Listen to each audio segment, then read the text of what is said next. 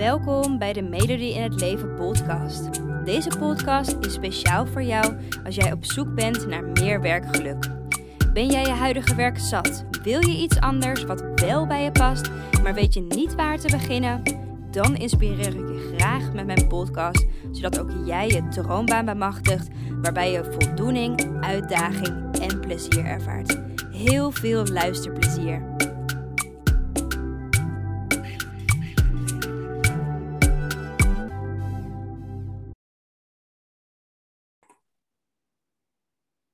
Yes, superleuk dat je weer luistert naar een nieuwe podcast. En vandaag ben ik niet alleen. Vandaag ben ik namelijk samen met Eline, Eline van Doorn van elivado.nl. Yes, uh, hallo. leuk dat je erbij bent. Ja, dankjewel. Wil je jezelf misschien even voorstellen? Wie ben je, wat doe je? Ja, helemaal goed. Uh, nou, ik ben dus Elina. Um, ik woon in Rotterdam, uh, eh, 27 jaar. En um, ik ben eigenaresse van het webdesignbureau Elivano. En voor wie denkt, hey, waar komt die naam vandaan? Is het Italiaans of Spaans? Dat is gewoon mijn naam in stukken gehakt. Dus um, dan is dat uh, ook gelijk de wereld uitgeholpen. nou, met Elivado helpen wij ondernemers op het gebied van webdesign en strategie. Uh, dus we bouwen niet alleen websites, maar we denken ook mee met ondernemers om hun website en online zichtbaarheid zo strategisch mogelijk in te richten, om daar het uiterste uit te kunnen halen. Zo, en dat is best wel een hele. Woe! Ja. Heel veel informatie. Ja. Um, want ik kan me voorstellen dat je daar niet zomaar, dat je nou ja, geboren werd en de middelbare school afgerond, dat je denkt, nee. ik ga dat meteen doen. Zeker niet, nee. nou, ik zou heel eerlijk bekennen, ik, uh, uh, toen ik startte op de middelbare school, dacht ik altijd, ik ga een kapsalon openen. Uh, dus ik word haarstylist en ik was al helemaal uitgeplozen. Um, ik heb VMBO-kader gedaan. Want ik was best wel een luie leerling. Dus ik dacht of eh, als ik niet zoveel moeite hoef te doen, dan komt het wel, uh, komt het wel goed. Ja. Um, en toen ben ik uh, de sector uiterlijke verzorging ingegaan. Je moest dan een sector kiezen. En zo kwam ik eigenlijk nou, in aanraking met schoonheidsspecialisten, haarstylisten. Uh, en ik moest een aantal keer stage lopen. En toen dacht ik, ja, ik wil gewoon die kapsalon. Die wil ik gaan, die droom heb ik, dat ga ik doen. Nou, ik heb, een, uh, ik heb allemaal opleidingen bezocht. En toen heb ik in Rotterdam een opleiding gedaan. De Nederlandse Academie was het hoogst aangeschreven. Dus ik had wel gezegd van, nou weet je, als we dit gaan doen, dan gaan we het goed doen. Omdat je dan ook gelijk kennis maakt met een stukje ondernemerschap uh, gericht op de beautybranche. Uh, en die opleiding duurde twee jaar. Um, nou, ik ben van een luie leerling uh, klaargestoomd naar echt wel een, een go-getter. Want ik moest ook in uniform, ik moest op zaterdag naar school.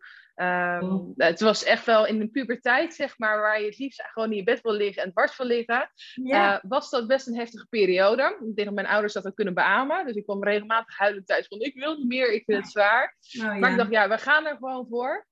Alleen toen had ik de opleiding afgerond na twee jaar. En toen was ik genezen van het kappersvak. ja, dus en toen. Uh, nou, dat is uh, het start zijn eigenlijk geweest. En uh, toen ben ik gaan onderzoeken, nou, waar word ik gelukkig van, waar niet van. Nou, ik vond mode nog steeds heel erg leuk. Ja. Um, dus ik ben me gaan omscholen eigenlijk naar modestylist. Um, en toen kwam ik in aanraking met de opleiding mode media styling. Uh, En daar zit ook een groot stuk digital design en styling bij. En zodoende ben ik eigenlijk gaan onderzoeken naar waar word ik gelukkig van. Ik ben toen gaan stage lopen bij een webshop. En uh, ja, ik heb me eigenlijk een soort van omgeschoold van stylist uh, naar digital marketeer uh, grafisch vormgever en langzaam veel meer opleidingen gaan doen. Uh, naast uh, mijn werk ook toen uiteindelijk, ook na die stage, heb ik toen ook een baan gekregen bij hetzelfde bedrijf. Ja. Um, en uiteindelijk voor mezelf begonnen met een eigen kledingwebshop die ik zelf had gebouwd. Um, en toen kreeg ik de vraag, joh, hoe, ga, hoe doe je dat nou? Hoe gaat dat nou? Um, kan je mij daar wat meer over uitleggen? En zodoende is Elivado uh, ja, ruim vijf jaar geleden ontstaan. Dus dat, uh, uh, even in notendop 12 jaar, 13 jaar aan tijdlijn. Ja, hey, en wat ik, wat ik uh, allereerst heel erg gepand vind aan, aan jouw verhaal in de notendop, dat je zei van de kapperschool, het was er doorheen bikkelen, zaterdag naar school en na twee jaar had ik de opleiding afgerond en toen dacht ik, ja, ik ben helemaal genezen van het kappersvak. Ja. Mag ik vragen, waar, waar, ja, dat is best wel een heftige beslissing dat je, dat je maakte. Um, ja. Waar kwam dat door? Hè? Wat maakte dat je ervan genezen was? Nou, ik denk dat het, het, was een hele intensieve opleiding. En laat ik het zo zeggen voor ouders die ook luisteren, of moeders die luisteren, ondernemende moeders die denken, wat moet ik met mijn puber die op de bank hangt? Ga een kappersopleiding doen bij de Nederlandse Kappersacademie, je wordt klaargestoomd. um, ik had een docent, nou, en die zat me echt achter mijn broek aan. Ik was, nou, nogmaals, echt wel een luie puber. Um, en ik heb daar, omdat je vijf of zes dagen in de week stond je ook aan de salon die gekoppeld stond aan school. Dus de school oh had een kapsalon, kon je je voor een laag tarief laten knippen of kleuren. En dat deden dan de studenten. Dus je werd ook eigenlijk na zes weken, toen je begon met de kappersopleiding, werd je gelijk die salon ingeduwd. Oh, um, om gelijk ervaring op te doen. Dus je moest wel. En ja, je kan niet iemand met, een, uh, met scheef haar de deur uit laten gaan. Dus je kreeg ook een stukje verantwoordelijkheid waar je mee moest gaan dealen. En als je 17 bent, is dat toch wel best pittig. Ja. Het vreemde en de, de, onzekerheid die je hebt. Um, en ik denk dat het komt omdat ik in die twee jaar zoveel heb geknipt. Ik heb zoveel met het vak gedaan. En nogmaals, zes dagen in de week. Dan kreeg je thuis ook nog hè, familieleden, ooms, tantes, opa's, oma's die zeiden... hey, kan je mijn haar niet doen? Nou, en ik had geen tijd voor een bijbaantje, want ik ging heel veel naar school en ik moest veel studeren. Dus toen ben ik begonnen als ZZP'er eigenlijk. Uh, puur omdat ik ook, weet je, ik wilde een MacBook. En ja, weet je, dat, eh, dat geld had ik niet zomaar. Dus dan moest je voor werken. Ja. Um, en zodoende eigenlijk, ja, ben ik me zo vol in dat kappersvak gaan richten. Dat ik na twee jaar, ja, ik, ik denk dat ik wel in twee jaar tijd, nou, ik denk wel 4000 mensen hun haar heb aangeraakt. Het was echt, sloeg helemaal nergens op. Ja. Um, en toen was ik er gewoon, ja, ik was er gewoon klaar met. Ik, eh, de, de spanning was er voor mij uit. En eigenlijk moest dan het hè, avontuur nog gaan beginnen. Want eigenlijk zou het dan ja. een salon moeten gaan starten en die droom ingaan. En ik voelde die, uh, die sparkle die ik bijvoorbeeld nu wel heb en die ik daarna heb gehad, door het met mezelf te gaan ontwikkelen, uh, die voelde ik toen niet. En ook al was ik heel erg jong, en dan kan je zeggen, ja, maar je was nog zo jong. Denk ik wel dat je dat van binnenuit, hoe oud je ook bent, voelt. En je ziet het ook met kinderen, weet je. Als ze ja. uh, van iets heel gelukkig worden, dan, hebben ze, dan, dan zit die inner motivatie zit er dan.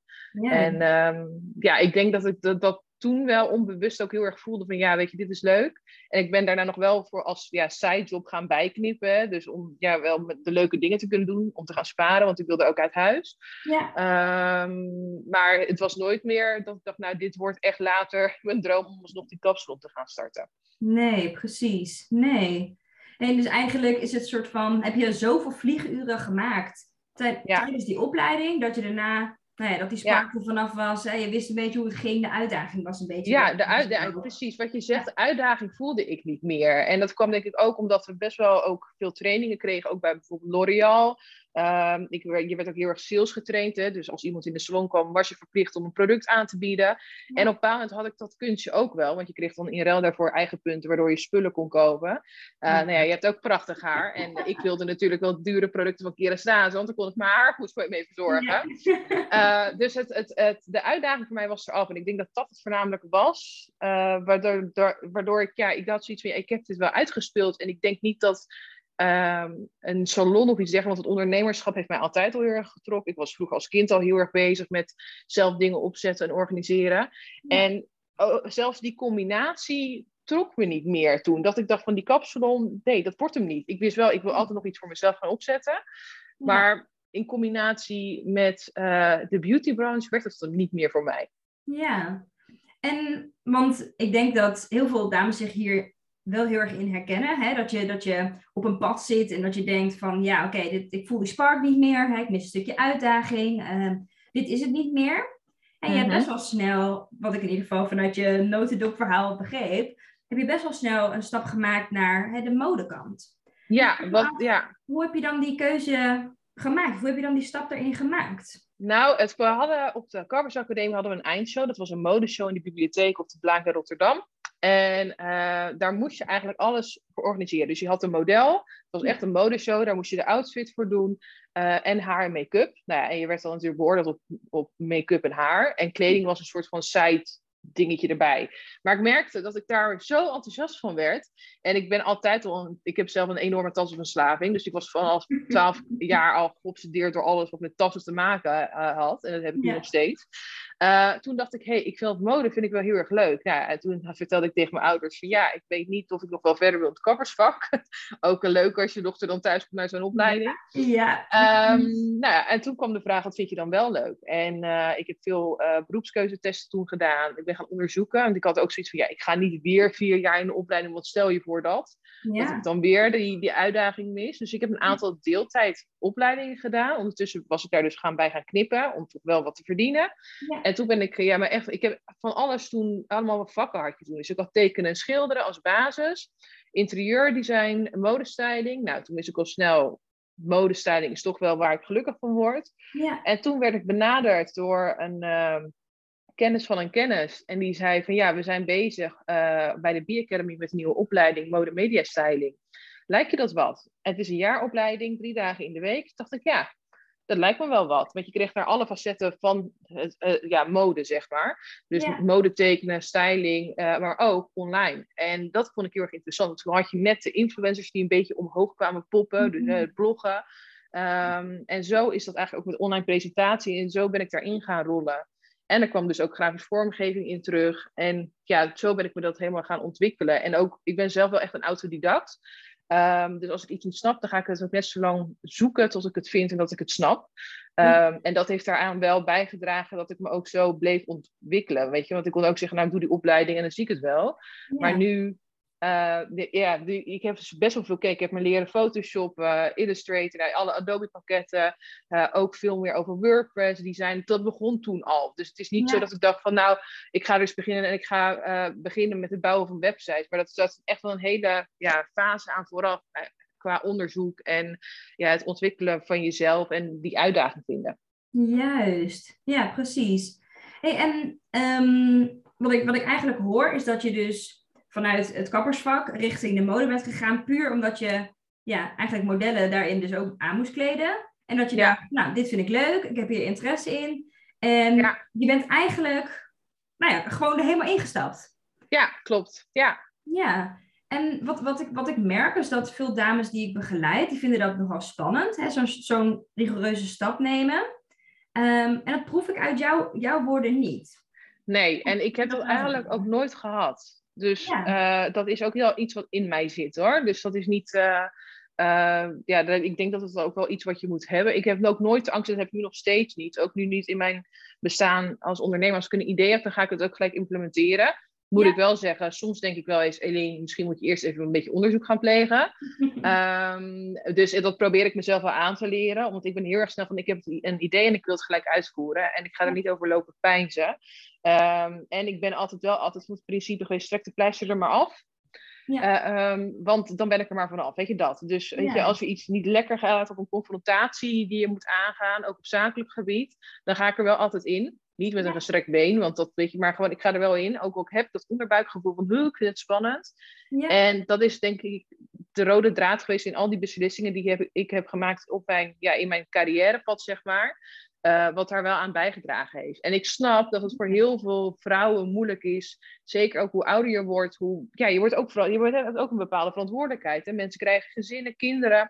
En ja, dan kan je niet zo snel zeggen van... joh, uh, tegen je partner... schat, ik vind het allemaal leuk, maar ik ga dit nu eens even doen. Want je hebt gewoon, weet je, er moet ook geld op de rekening komen. Ja. Um, dus ja, ik, ik weet dat ik daar ook heel erg mazzel in heb gehad. Dat ik die uh, die angst nooit daarin heb gehad. Terwijl ik vroeger als kind heel angstig was. Hè? Dus dat, ja. uh, dat, is wel, dat is wel uniek dat ik op dat gebied die angst niet ken. Ja, hey, en nou, alleen maar heel fijn dat je dat dus niet kent. Maar um, heb je daarin misschien tips? Of, en, want het gaat je zo natuurlijk af dat je die angst niet hebt. Van, hè, wat kan je ons daarin in leren? Nou, wat ik denk ik sowieso uh, zou doen, is dat je het voor je gaat uitschrijven wat als. Dat is alleen maar het antwoord. Dat is de vraag die je zelf moet gaan stellen. Ja. Dus stel, um, ik uh, heb een intakegesprek met iemand en ik voel van, nou, ik weet, ik weet het voelt niet lekker. En wel, dan zeg ik mezelf, oké, okay, en wat dan als dit gebeurt? Dus je gaat doen denken, maar dan ga je afvragen, wat is, wat gebeurt er dan als die situatie uitkomt? Hetzelfde ja. als je iemand uh, moet aanspreken op bepaald gedrag en je, je, je voelt al, hier zit ik tegen op te hikken, weet je, het voelt niet goed. Oké, okay, wat gebeurt er dan? Nou, diegene zal misschien teleurgesteld in zijn. En dan? Ja, dan voel jij je misschien even rot. En dan? Ga je dan samen huilend in je bed liggen? Nou, 9 van de 10 keer is dat het antwoord nee, dat is het niet. Want je krijgt dan dat, dat, on, uh, dat, dat vervelende gevoel in je buik van, oh nee, ik zit er tegenop, te, ik, wil er, ik wil het niet. Mm-hmm. En ja, volgens mij is dat ook je reptiele brein. Je heeft zoiets geeft van, nou weet je, blijf maar lekker comfortabel en uh, uh, leun maar lekker achterover. Juist. maar steeds als je tegen jezelf zegt, wat gebeurt er dan? En dat gaat uitkaderen. En ik zeg, zolang er geen doden vallen, valt het altijd mee. Dus, en dat gebeurt 9 van de 10 keer ook niet, gelukkig. Ja, ja, precies. Dus eigenlijk zeg je door het uit te schrijven en steeds verder te denken, uh, kom je er eigenlijk achter dat het zo erg nog niet is. Hè? Dat het gewoon nee. niet ja, en ga gewoon, ja, precies. Ga scenario's voor jezelf uitschrijven. Doe het in een notitieboekje. Zie je ergens tegenop. Of, uh, nou, de feestdagen komen eraan en uh, je zit met, een, met je schoonfamilie aan tafel. En je denkt, nou, ik heb hier helemaal geen zin in. Oké, wat als? Wat gebeurt er als er een confrontatie is? Wat als? En ga kijken, oké, wat is dit nou echt zo erg? Als je gaat relativeren daarin. En 9 van de 10 keer maken we het in ons hoofd veel groter dan uh, ja, in het echt, zeg maar, als de situatie daadwerkelijk plaatsvindt. Precies, juist, precies. Helemaal mee eens, helemaal mee eens. Ja. Hey, en um, oké, dus eigenlijk die switches gingen voor jou relatief gemakkelijk. Ik noem het even relatief, want ik weet natuurlijk ja. niet wat er in, uh, in gebeurd is. En ik vraag me af van, hoe is dan die switch gegaan van mode naar hè, wat je exact wat je nu doet? Hè, want daar is natuurlijk ook een transitie in plaatsgevonden. Ja, nou ja, ik liep dus stage bij een webshop en ik ben, ben daar uh, aangenomen als stagiaire mode, media styling en grafisch vormgeving. En dat was natuurlijk allemaal digitaal, want het was een kledingwebshop. Ja. Um, en van mijn stage daar werd ik daar aangenomen. En ik, ja, werd, ik ging steeds meer naar, naar de hoek uh, grafisch designer, maar ik zat ook met de mensen die de website echt beheerden, dus qua techniek. En ik ben ook best wel een nerd. En dat komt denk ik ook wel omdat ik uh, zoveel dingen aan mezelf aanleer. Dacht ik van nou, dit lijkt me wel een leuke uitdaging. Um, en er kwam ook een stuk online marketing om de hoek kijken. Dat waren eigenlijk die drie elementen waarvan ik dacht, oh, dat is wel gaaf. En kijken of ik daar die uitdaging in kan vinden. Ja. Um, en dat ging heel erg goed. En toen dacht ik, ja, maar eigenlijk omdat het ondernemen, dat heeft altijd wel in mij gezeten. Dacht ik, ja, dan ga ik het gewoon zelf ook doen. Ja. Dus toen ben ik uh, uh, mijn eigen kledingwebshop gestart. Dat heb ik zelf gebouwd. Um, heel veel dingen uitgezocht. En uh, nou, toen heb ik de webshop gelanceerd. En dat ging best wel goed. Ik ben heel erg gaan kijken van, hé, hey, wat, wat kunnen we verbeteren? En ik heb ook echt wel momenten gehad dat ik met ja, mijn handen in het haar zat. Ja. Um, maar op een bepaald moment had ik wel de smaak te pakken. Um, en dat ging zo goed dat veel meer mensen aan mij vroegen: joh, kan je mij advies hierover geven? Zou je niet voor mij een websiteje willen bouwen? En ondertussen ben ik wel mezelf zo gaan ja, uh, bijscholen op het gebied van techniek, design, maar ook strategie. Ja. Um, dat ik mensen ook steeds beter kon adviseren. En ik ben op een bepaald moment gaan samenwerken met een PR-bureau. Die werkte voor echt wel grote merken, zoals San Pellegrino, uh, een uh, interieurmerk genaamd Annie Sloan. Dat is een Brits bedrijf wat mhm. interieurverven verkoopt. En dat ging zo goed, want ik ging dat, dat ik zoiets had van, wow, weet je, die merken willen met mij gaan samenwerken. Dus ondanks dat ik niet officieel een HBO-opleiding heb gehad en daarop ben gaan, uh, afgestudeerd, ja. heb ik wel die kennis in huis. En dat gaf me wel zo'n zelfvertrouwen boost, dat ik vanaf toen ben gaan kijken, oké, waar word ik nu gelukkig van? Want ik uh, bood een aantal dingen aan toen met Elivade. Dat was webdesign, maar ook online marketing. Uh, advies daarin. En een stukje contentcreatie. En toen had ik zoiets van, ja, maar ik vind webdesign nog steeds wel heel erg leuk. En dat werd steeds uh, vroeger was het zo dat je met een bureau ging samenwerken en die codeerde voor je alles. Je had een onderhoudsabonnement en dat was het. Maar die markt die is in de afgelopen vijf jaar zo veranderd ja. um, dat ik daarop ben gaan inspelen. En ja, daar werd ik wel heel erg gelukkig van. En nu sta ik dus zo op die positie dat ik en ondernemers help op het gebied van uh, webdesign. Dus we kunnen websites bouwen. Je kan zelf leren een website te bouwen. Uh, maar je kan mij ook als stratege inhuren om met je mee te kijken van hey, hoe kunnen we ervoor zorgen dat jouw huidige website nog beter voor jou en je bedrijf gaat werken. Juist, precies. Ja. Hey, en, want ik hoor je eigenlijk steeds, steeds het verder trechteren eigenlijk. Hè? Dus je, je begint met een stage, je komt via via en hè, zo gaat het een beetje door. Um, hoe, hoe maak je dan keuzes van hè, dit past bij mij of dit past niet bij mij? Ja, onder, ja, het vind ik ook weer zo'n cliché antwoord, maar wel echt een onderbuikgevoel. Uh, want toen ik een stage moest lopen toen de tijd, heb ik ook een uh, intakegesprek gehad bij Cosmo Girl. Ja. Die hadden helemaal geen vacatures. Maar ik dacht, ik ga gewoon mailen. Dus ik was daar ook best wel, ik had daar best wel ook van, ik trek de stoute schoenen aan en we gaan ervoor. Ja. Ehm, en toen was ik door naar de volgende selectieronde. Want eh, er waren toch wel meer mensen die zich hadden ehm, ja, op- opgedrongen. Ehm, en ik was door. En toen dacht ik, ik, ik zag de, op, de opdracht. En toen dacht ik, nee, dit is het niet. En toen dacht ik, oké, dan ga ik dat ook niet doen. Want als ik het nu al heb, en stel ik word het wel strakjes, dan ga ik daar op die redactie niet lekker lopen. En dat had ik toen bij die webshop wel. Dus ik ben toen op mijn onderbuikgevoel ge- eh, afgegaan. En dat doe ik nu nog steeds. Met elke actie die ik nu ook in mijn eigen onderneming neem. Ik voel het echt wel en ja, aan mijn lichaam ook, van, ook met een gesprek. Daarom wil ik ook al mijn klanten eerst spreken voordat we een samenwerking aangaan. ja. Want als ik al voel, dit wordt hem niet, er is iets, dan ga ik het afkappen. Ehm, en dat merk ik bijna al zelfs met e-mailcontact. Dat is heel raar, maar dan op een bepaalde manier van communiceren. Dan, en zo'n intakegesprek bevestigt het dan vaak. Ja. Ehm, maar nogmaals, dat moet ook wel groeien. Want je moet daarin ook wel fouten maken om, daar, eh, om dat te gaan herkennen. En die heb ik ook genoeg gemaakt. Ja, ja, heel mooi dat je dat zo zegt vanuit gevoel. Want ik denk ook ehm, dat, dat heel veel meiden die in zo'n proces zitten van hè, werk zoeken, dat zij juist heel erg bezig zijn met hun hoofd. Hè? Een stukje Ja. zekerheid, inkomsten, inkomsten moeten binnenkomen. En dat we dat onderbuikgevoel een beetje vergeten. Ja, maar jij zegt Ja. eigenlijk, dat onderbuikgevoel is voor mij juist belangrijk voor die beslissingen. Ja, en ik denk dat of, of je nou onderneemt of, of in loondienst bent, ik denk dat het met alles zo is. Want ik had het zelf toen ook. ehm, ik had toen, een, eh, toen ik van stagiair werd omgeswitcht, eigenlijk naar werknemer toen bij die webshop, toen hadden we een gesprek over inko- eh, ko- eh, eh, dus het, je salaris. Ja, Ehm, en we- ik ging daar toen ook in en toen voelde ik al van, het wordt erop of eronder. En dat was het ook daadwerkelijk ook, want Ja. wat ze mij aanboden was te laag. En toen dacht ik, ja, ja ik wil wel graag blijven hangen, want ik kan me hier wel verder eh, eh, ja, ontwikkelen. Eh, maar dat is eigenlijk altijd zo gebleven. Dus met elke stap of elk gesprek of elke actie die ik nam, daar voelde ik echt wel aan aan mijn lichaam of dat de juiste keuze was, ja of nee. ja. En eh, soms heb ik dat ook wel volledig genegeerd. Ja, en dan maak je fouten en dat is niet erg. Ehm, maar het is wel belangrijk dat je die fouten gaat herkennen, zodat je daar eh, de, op de, vo- de volgende keer op kan voorsorteren. Van hé, hey, ik voel nu aan mijn lichaam dit of dit of dit. Of ik merk nu dat we deze richting van het gesprek ingaan. ja. Ehm, en dat voelt voor mij niet oké. Dus ik denk dat het ook een stukje grenzen bewaken is. En zelf voor jezelf durven opkomen in wat voor situatie dat dan ook is. ja. Ehm, en dat, ja, weet je, dat, ik denk dat dat met werkgeluk helemaal belangrijk is. Omdat zeker ja, als vrouw zijn, ben je toch vaak geneigd om jezelf toch even weg te cijferen. Om, om te denken van, nou weet je wat, ga maar, ik wacht wel even op mijn beurt. En als je dat te vaak doet, dan blijf je ehm, eh, ja, aan de achterkant van die rij staan, zeg maar. Juist, precies. Ja, heel herkenbaar. Hey, en ehm, hoe, ja, dat is misschien een, beetje, misschien een beetje een vage vraag, maar ik vraag me wel af van, hoe voel jij dan je onderbuik? Hè? Hoe herken jij dat dan? Nou, ik merk het ik- als ik, ik heb een soort van knoop. Ja, ik weet niet hoe je het is een beetje Ja, ik zit op mijn handen. Ehm, het is een soort van knoopgevoel. Ja, weet, alsof je een soort van steen in je maag hebt, eh, waar, je, tegenop gaat hikken. Kijk, ik was vroeger heel erg bang voor de tandarts.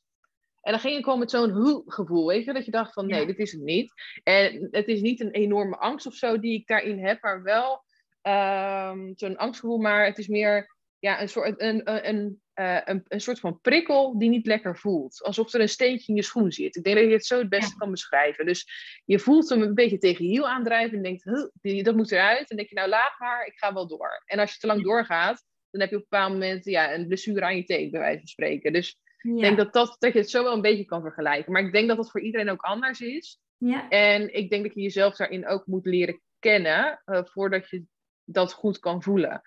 Ehm, en dat is eigenlijk, de- denk ik, zo hoe je hele pad, of het nou privé of zakelijk is, hoe je dat inricht. Denk ik dat je daarin moet gaan kijken van, hé, hey, waar word ik gelukkig van, waar voel ik me goed bij? Eh, Mhm. Maar soms moet je die confrontatie met jezelf daarin wel aangaan, want anders kom je niet verder. Juist, precies, ja. Hey, hoe, hoe zou je dan aanraden om die, die confrontatie met jezelf erin aan te gaan? Nou, ik denk, ja, en dat klinkt heel makkelijk, maar gewoon wel ook om in het diepe te springen. Dus soms denk je, oh, dit vind ik, ik vind het eng. Of er, er, je ziet er tegenop. Ja, Ga gewoon dan alvast voorsorteren daarop. Dus ga dan gelijk als eerste. Spring als eerste van die duikplank af, want dan ben je er vanaf. ja. En vaak is het zo. Ik heb nog nooit geskydived of zo, want dat lijkt me wel echt doodeng. Maar ik denk dat je het daar een beetje mee kan vergelijken. Is dat je denkt van, oh, ik vind het spannend. Ik loop naar die rand. En als je eenmaal gaat, dan denk je, oh, het valt best wel mee. En ehm, ik denk dat dat wel een mooie metafoor is. Ik denk dat het met alles zo is. Of je nou een angst hebt of ehm, eh, je twijfelt over iets en je gaat ervoor. En dan kan je inderdaad uh, vallen en dan doet het even pijn. Maar je leert er wel heel erg van. Dus je komt er altijd positief uit. Of het nou goed voor je uitpakt of niet. En ik denk dat je het leermoment pakt. Uh, ook als het tegen zit, voornamelijk. Dat je niet gelijk, hè, want je mag echt wel even balen van een bepaalde situatie. Of als je, um, weet je wordt afgewezen op een sollicitatie of iets dergelijks. Ja. Maar dan ga je, dat je daarna wel voor jezelf gaat analyseren van... hé, hey, hoe kan ik ervoor zorgen de volgende keer um, dat het wel gaat lukken? Dus ga ook niet vingerwijzen of nou het lag aan mijn gesprekspartner of uh, de klant die komt te laat. Of, weet je, dus ga niet de ander, want daar, zijn we ook goed in, van het verschuiven van het, uh, van het probleem. Maar ga kijken, ja. waar lag mijn probleem en hoe kunnen we ervoor zorgen dat dat in de toekomst niet meer gebeurt? Juist. Dus eigenlijk zijn er twee stappen, hè? Een soort van rip de band-aid af. Ja. voor, doe het gewoon. En hè, het kan goed gaan, het kan fout gaan, maar zie het als een leermoment. Hè? Ja. Neem daaruit mee wat je eruit mee wil nemen. En, dat is, ja, en ik denk ook dat dat wel de meest positieve benadering is. Ook al gaat het fout, uh, zie het als een leermoment. Want dan kom je er altijd positiever uit. En ik ben ook wel van mening dat veel dingen gebeuren met een reden. Um, uh, ik ben helemaal niet zo spiritueel, maar ik, ik geloof wel in het feit dat uh, je soms even door een, uh, een onprettige situatie heen moet gaan om er beter uit te komen voor je eigen ontwikkeling. En uh, ik, dat geeft mij daarin ook wel houvast. En ik denk dat het bij veel vrouwen zo is. Weet je, of het nou uh, privé iets is wat niet lekker loopt of zakelijk. Ga gewoon, weet je, ga, ga eventjes balen en ga daarna analyseren en ga daarna door om het de volgende keer beter te doen. Juist, ja hey, en um, hey, je, je doet nu dit werk meer richting webdesign. Waaruit voel jij nu van dit werk, ja, vind ik leuk, dit werk past bij mij? Uh, ik denk dat het omdat het komt uh, doordat ik meerdere dingen doe. Dus ik doe niet alleen het design, ik denk strategisch ook een groot stuk mee. Ja. Uh, um, dus het is creatief. Weet je, ik, ik, vind, ik hou van heel erg creatief werk. Ja. Uh, waar het is op, het, het, heeft verschillende facetten waardoor het zo uitdagend is. En ik vind uh, webdesign en development is echt wel een soort van videospel. Nogmaals, ik ben echt een nerd, dus dat, ja. uh, dat, dat, het is mijn uitdaging. Als ja. ik iets niet snap, of er gaat iets niet goed, of er is, er is een probleem met de website van een klant, zoals vorige week toevallig, dan liep mijn boekingssysteem niet helemaal lekker. En we kunnen het niet vinden, dan ga ik net zo lang pluizen en door tot ik het probleem heb gevonden. Ja. En ik denk dat wel, dat wel uh, iets is wat mij uitdaagt daarin. Dus elke keer ga je weer opnieuw proberen, ga je weer bijschaven, net zolang tot het lukt. En omdat um, het stukje, de webdesign development heeft zoveel van die facetten, wat voor mij voor die uitdaging zorgt. En als we dan terugkijken naar uh, de kappersopleiding die ik heb gedaan, op een bepaald moment kende ik het trucje wel. Wist ik welke cijfertjes verf ik moest pakken om een bepaalde kleur te krijgen. Uh, ja, weet je, de, de creativiteit was eruit. En ik denk dat uh, in de fase waar ik nu zit qua werk, ja. biedt dat mij zoveel um, dat, dat, dat ik er, dat er nu wel uithaal. Maar mm. uh, ik ben ook wel iemand die um, heel snel verveeld kan raken. En het is een luxe positie, weet ik ook wel. Uh, zeker omdat ik gewoon, weet je, als ik iets anders wil gaan doen, dan kan ik het ook gelijk testen, omdat ik ja. eigen baas daarin ben. Um, dus ik denk wel dat dat ook wel een luxe is. Van als ik iets nieuws wil proberen. Uh, we zijn nu ook achter de scherm bijvoorbeeld bezig met een rebranding voor Elivado. Dan kan ik het er ook gelijk, ja, weet je, dan kan ik het gelijk implementeren. En dat is natuurlijk ja. wel een luxe positie, want dat kan niet iedereen. Ja, precies. Ja. Wat ik echt heel erg leuk vond uh, om te zien toen je vertelde over je werk nu, is dat je echt gewoon, uh, ja, ja, dat zien de luisteraars natuurlijk nee. niet, maar, um, maar ik zag dat je echt gewoon een soort van sparkle inderdaad in je ogen had en je ging echt gewoon glimlachen en um, ja. het was echt heel erg leuk om te zien hoe je dat, ja, het was heel erg visueel. Ja, fijn. Ja, maar dat is het ook echt. En ik moet wel zeggen dat ik ook wel de uh, uh, afgelopen jaren wel zoekende ben geweest, ook in mijn eigen bedrijf daarin, van waar word ik nog gelukkig van, waarvan niet. En het afscheid nemen van dingen. Want ik had op een bepaald moment ook een vaste klanten. En daar deed ik wat online marketingwerkzaamheden nog voor. Uh, en dat is dan wel heel lekker. Hè? Het comfortabel. Je krijgt elke maand een vast bedrag binnen. Ja, dat is ja. toch wel lekker. Maar ja. Ja. op een bepaald moment had ik zoiets van, ja, daar moet ik afstand van nemen om te kunnen groeien. En toen, eh, vlak voor de COVID-crisis begon, heb ik toen tegen mijn naaste kanten gezegd, joh, ik kap ermee. Ja, en toen ging het zo, hoep, omhoog. En dat, dat is vaak zo dat we te lang ons willen binden aan iets wat comfortabel is. Dan komen we weer Ja. bij het verhaal waar we het net over hadden. Ja. Ehm, maar ik denk als je daar afstand van doet, dat je dan veel sneller eh, ruimte maakt op je pad om sneller naar dat doel te kun- kunnen gaan werken. Juist, ja, dat geloof ik ook absoluut. Ja.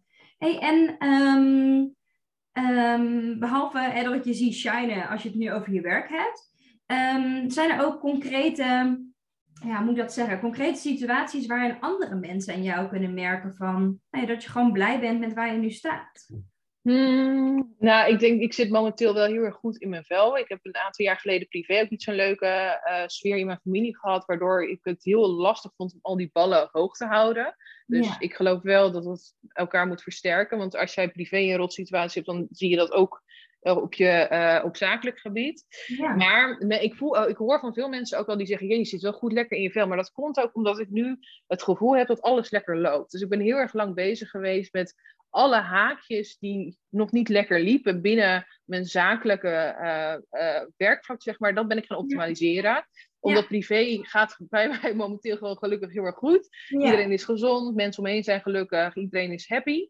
Ja. Ehm, en ik merk dat ik me daardoor ook beter ga voelen. En dat hoor ik ook veel terug van mensen die zeggen: joh, het gaat allemaal goed. En dat is hè, social media, online zichtbaarheid. Dan zegt iedereen dan vaak: nou, het gaat wel heel erg goed bij jou. Terwijl je weet, je weet niet wat er aan de achterkant van die deur gebeurt. Ja. Ehm, maar ik denk dat dat wel de afgelopen periode, omdat alles lekker loopt, alle ja, eh, problemen die ik had, die ben ik aan het oplossen geweest, daar ben ik mee bezig geweest. Ja. En dat loopt nu, dat staat nu. En dat, ja, dat zorgt er denk ik wel voor dat ik dat eh, nu uitdraag. Ja, precies. Ja, precies. En, en hoe ziet dat er dan uit? Ik bedoel, je bent, je bent ook gelukkiger als, als persoon dus. Hè? Je zit dus ook lekker in je vel. Maar ehm, ja, ik weet niet, eh, zorgt het ervoor dat je, weet ik veel, meer tijd hebt om eh, in je privé te besteden? Of hè, wat, wat voor concrete situaties creëer je daarmee? Nou, ik denk dat het komt dat je prioriteiten gaat stellen. Dus ehm, ik was vroeger altijd de persoon die niet van sporten bijvoorbeeld hield. En weet je, ik was Ah, ja. ook een beetje dat zoiets, weet je, zo'n type. Ja, Uh, maar ik sport nu bijvoorbeeld twee keer in de week. Ik ben eh, weet je, één keer krachttrainen, één keer boksen. Vind ik onwijs leuk om te doen. Ehm, en ik ja, werkte gewoon in het verleden echt heel erg veel. Weet je, ik, omdat ik ook niet ging sporten of iets dergelijks. Ook, weet je, ik zat al heel snel van 8 tot, tot eh, 12 uur s'avonds gewoon voel te knallen. Weet je, gewoon de hele dag door tussendoor eten. Nou, Ja. op een bepaald moment kregen mijn vriend en ik een hond. Dus dan word je ook wel geforceerd om even naar buiten te gaan. Ehm, en ik ben daardoor denk ik ook gaan meer gaan zitten op mijn werk-privé-balans. En dat loopt nu heel erg goed. En ik merk dat je daardoor ook gewoon een, ehm, een leuker mens wordt, omdat je gewoon je goed kan afsluiten. Dus weet je, ik weet precies wanneer ik aan het werk ben. Ja. Ehm, op vrijdag probeer ik altijd de dag semi-vrij te houden. ja, Ik heb maar één regel. Of ik werk van een Elivado of ik ben vrij. Ik mag ook niet voor klant aan de slag, omdat ik me dan al heel snel weer in dat oude patroon ga duwen. ja, Ehm, veel erop uit. Ik loop nu elke ochtend een uur met de hond. Nou, ik sport twee keer in de week. Ja. Dus ik heb een veel betere werk-privé-balans, waardoor ik ook veel meer rust ervaar. Dus ik ben echt gaan kijken hoe kan ik die rust imple- implementeren, waardoor ik ook minder snel in stresssituaties schiet. Want dat had ik eerder ook wel, dat ik echt bijna huilend achter mijn pc samen zat van, oh, hoe gaan we dit weer oplossen? Oh, ja. En dat heb ik nu niet meer, omdat ik gewoon, weet je, ik heb vertrouwen daarin, het komt goed. En omdat ik me nu zelf ook veel meer vrije tijd gun, word ik op zakelijk gebied daar ook een leuker mens door. Juist, ja, precies. Dus, dus hè, en meer vrije tijd, maar en een leuker mens zijn. En eigenlijk die privé-werkbalans, eigenlijk komt Ja. het los ten goede eigenlijk. Als ik het Ja, maar dat is echt zo. En ik was vroeger ook zo van, ja, hallo, weet je, eh, er moet ook gewoon brood op de plank komen. Maar ik ben wel zo eh, slimmer gaan, gaan mijn bedrijf gaan inrichten op dat gebied, zodat Ja. ik daar ook, eh, da- daar ook meer van kon profiteren en meer balans daarin had. En of je nou onderneemt of niet onderneemt, denk ik dat je dat altijd wel kan implementeren. Want we zijn al heel snel geneigd om te zeggen, ja, ik heb zo'n moeie, mo- eh, mo- heftige dag gehad, ik ga lekker op de bank hangen. En dat is soms Ja. oké. Ehm, maar ik denk, als je dat te vaak blijft doen, dat je dan in zo'n patroon, eh, een negatief patroon gaat vallen. Ja, En ik denk dat, dat je daarvoor moet eh, waken om een leuker mens van te worden. Juist, precies. Ja, dat geloof ik ook zeker. Zeker. Hey, en ehm, denk, denk jij dat er ehm, veel mensen zijn in Nederland of veel vrouwen zijn die gelukkig zijn in hun werk? Ik weet niet, wat zie jij in je omgeving? Um, ja, ik heb best wel wat vriendinnen gehad uh, de afgelopen tijd die ook door corona uh, dachten we gaan het anders doen. Ja. Dus ik merk dat veel mensen de, sinds uh, de COVID-crisis toen die begon, zijn gaan nadenken van waar word ik gelukkig van, wat wil ik. Ik zie het ook terug in mijn klanten, klantenkring. Veel ja. mensen die nu zoiets hebben, nou ik, ik ga nu eindelijk voor die droom, ik ga zelf voor mezelf beginnen. Ja. Um, ik, ja, ik denk dat wel mensen door wat er allemaal speelt in de wereld, uh, meer zijn gaan nadenken over wat ze willen gaan bereiken in het leven. Waarom? Omdat het allemaal zo onzekerder is geworden. Ja. Dus weet je, het, het, is een onzekere periode, uh, nog steeds hoor, maar op het begin helemaal. Niemand wist wat, waar we aan toe waren. Ja. En ik denk dat dat wel een goede zet is geweest voor veel mensen om te zeggen, ja, als dit er nu is, weet je, waar we het net over hadden, over uh, het nadenken over wat als, wat als. Nou ja, dat ja. eerste stukje wat als werd voor hun al weggenomen. Ja, uh, dus ik dacht van, nou, we gaan ervoor. En ik denk dat dat bij veel mensen momenteel, er, er beweegt iets. Ik voel het ook, ik zie het ook terug. Ik hoor ja. het van mensen. Um, en er zijn nog mensen die nog, laat, nog meer nog in die fase zitten van, oh, ik heb een nieuw idee, wanneer ga ik ervoor? Maar uh, de periode waar we nu in zitten met de wereld, zorgt wel voor dat mensen gaan, hierover gaan nadenken en ja, in beweging worden gezet. Ja, ja, precies. Dat denk ik ook hoor. Dat is ook wat ik, wat ik heel erg terugzie. Ja. ja. Hey, en en wat, voor, wat voor advies zou jij nou, die dames geven die nu nog nou, heel erg zoekende zijn naar dat werkgeluk? Nou, ik denk dat je voor jezelf gewoon een mindmap maakt. Dus eigenlijk wat je, wat je een, een dingetje in het midden, werkgeluk. Ja. uh, cirkeltje eromheen. En ga gewoon uh, jezelf daarin vragen stellen. Dus um, ja, ik denk misschien, ik denk dat jij dat ook wel hebt hoor. Dat je een aantal vragen hebt van oké, okay, waar word ik gelukkig van? Waar krijg ik energie van? En ga kijken, wat zijn die dingen dan? Dus dat kan bijvoorbeeld zijn creatief werken, uh, visueel dingen uitwerken. En ga dan kijken, uh, oké, hoe kan ik ervoor zorgen dat ik zo'n element, een element daarvan ook kan implementeren in mijn dagelijks leven? Of dat nou privé of zakelijk is. Ja. Zodat je daar kan gaan, kennis gaan, kan gaan maken met die combinatie. Um, en dan kan je later van bekijken van, hey, kan ik ervoor zorgen dat ik daar ook daadwerkelijk mijn geld ermee kan verdienen? Of het nou een loondienstbaan is of voor jezelf is. Um, en ik denk dat dat wel een goede manier is om te kijken waar je gelukkig van wordt. Zeker als je ze nog zoekende bent, ja. is het vaak zo dat je steekwoorden hebt die met elkaar in verbinding staan. En niet zozeer, nou, ik word, uh, uh, ik word gelukkig van haar, dus ik word een haarstylist. Kan wel, hè? Maar vaak is ja. het niet zo. Het is niet zo nee. concreet. Het is vaak, oh, ik vind het leuk om met mensen te werken. Oh, ik vind het leuk om mensen te verzorgen. Oké, okay, oh, iets met zorg. Maar wat, wat, wat is het dan? Is het dan, vind je het fijn om met mensen te praten, om ze op hun gemak te stellen? Ja, dan kan je bij wijze van spreken ook bijvoorbeeld vrijwilligerswerk ergens doen om te kijken of dat goed voelt. En daarna kan je die keuze gaan maken. Zeker als je het wat spannender vindt, kan je daar voor jezelf naartoe gaan werken. Juist, precies. Dus je zegt, hè, begin eigenlijk met zo'n mindmap. Begin met jezelf echt nou ja, gerichte vragen te stellen. Maar ik hoor je ook echt wel zeggen van, ga het uitproberen. Hè? Dus ja. werk bijvoorbeeld. Ja, en maak het dan niet zo heel erg groot, omdat je dan misschien wel die spanning gaat opzoeken van, oh, ik vind het eng. Maar maak ja. het kleiner. Dus stel, um, je vindt het heel erg leuk om, uh, weet je, te tekenen en je vindt het heel erg leuk om mensen te tekenen. Vraag bijvoorbeeld, weet ik veel, of je, uh, je nichtje of je zusje of je tante of nou ja, je oma bij wijze van spreken of een vriendin mag gaan natekenen. Dat is dichtbij. Ja. Diegene zal het ook leuk vinden. Vind je, gaat dat goed? Nou, weet je, ga kijken hoe je dat kan uh, uitbreiden. En dat wordt misschien een beetje oncomfortabel. Ja. uh, maar door, daardoor ga je jezelf wel um, ja, ver, verleggen in je grenzen. En ik denk dat dat wel heel erg belangrijk is. Ja, zeker. Zeker. Mooi, mooi. Ik denk, ik denk dat dat echt een hele waardevolle tip is. Um, nou ja, waar de luisteraars ook echt wel meteen mee aan de slag kunnen. Dus als ze eh, de podcast zo afsluiten, meteen een blad erbij pakken, ja. maken. ja, maar dat, ik doe dat zelf met elk idee ook. Dus als ik een idee heb, maak ik daar een mindmap van. Ik ja. zet gewoon alles erop wat bij me uh, naar boven komt. En dan ga ik kijken van, hé, hey, uh, wat is de uitkomst hiervan? En soms kan het ook zijn dat je denkt, nee, dit is het toch niet. En dat is helemaal goed. Ja. Echt, dat is goed. Um, alleen dan moet je wel gaan doorzetten en kijken van, hé, hey, waar word ik dan wel gelukkig van? Dus dan ga je weer naar een andere kant van die mindmap om te kijken of daar wel iets is. Want er zit altijd wel een verbindingswoord in, ja. um, wat wel de basis is van um, ja, gelukkig zijn. Uh, ja. Dus dat, ja, op zakelijke of op uh, privégebied. Ja, mooi, dankjewel. Hey, ehm, en stel nou dat er eh, luisteraars zijn die zoiets hebben van ik wil een eigen onderneming starten. En uh, nou ja, Eline die, die vertelt het zo mooi ik ben wel benieuwd naar wat ze doet. Of ze willen je nog een vraag stellen, dat kan natuurlijk ook. Ehm, waar kunnen ze jou vinden? Uh, nou, sowieso op Instagram, gewoon Elivado uh, NL, dus uh, de bedrijfsnaam van mijn bedrijf, um, www.elivado.nl. En ja, whatsappen en mailen mag ook altijd. Kan gewoon via mijn website als je dan een berichtje stuurt. Of een DM via Instagram. Ja. Dan uh, ja, denk ik altijd wel met je mee. En dat vind ik ook leuk. Vaak is het wel zo dat ik een voice message inspreek. Want ik haat tikken, dat duurt zo lang. dus dan spreek ik even wat in. Uh, mocht je daar nou niet van houden, laat dan wel even weten. Want dan zou ik het wel even intikken. ja.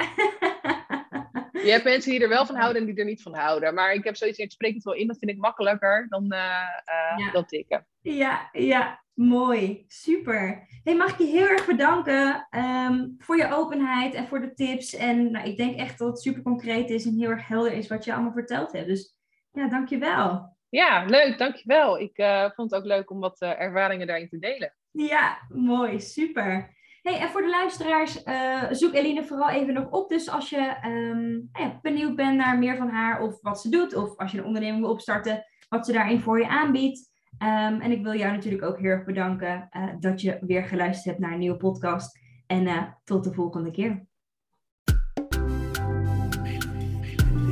Dankjewel voor het luisteren. Hoop dat ik je heb mogen inspireren om jouw droombaan achterna te gaan, waarbij je meer voldoening, uitdaging en plezier ervaart. En elke woensdag staat er een nieuwe podcast online, dus hou dit vooral in de gaten. En wil je vaker tips en inspiratie ontvangen? Volg mij dan ook op Instagram onder de naam van Melody in het Leven en ik help je graag verder. Fijne dag!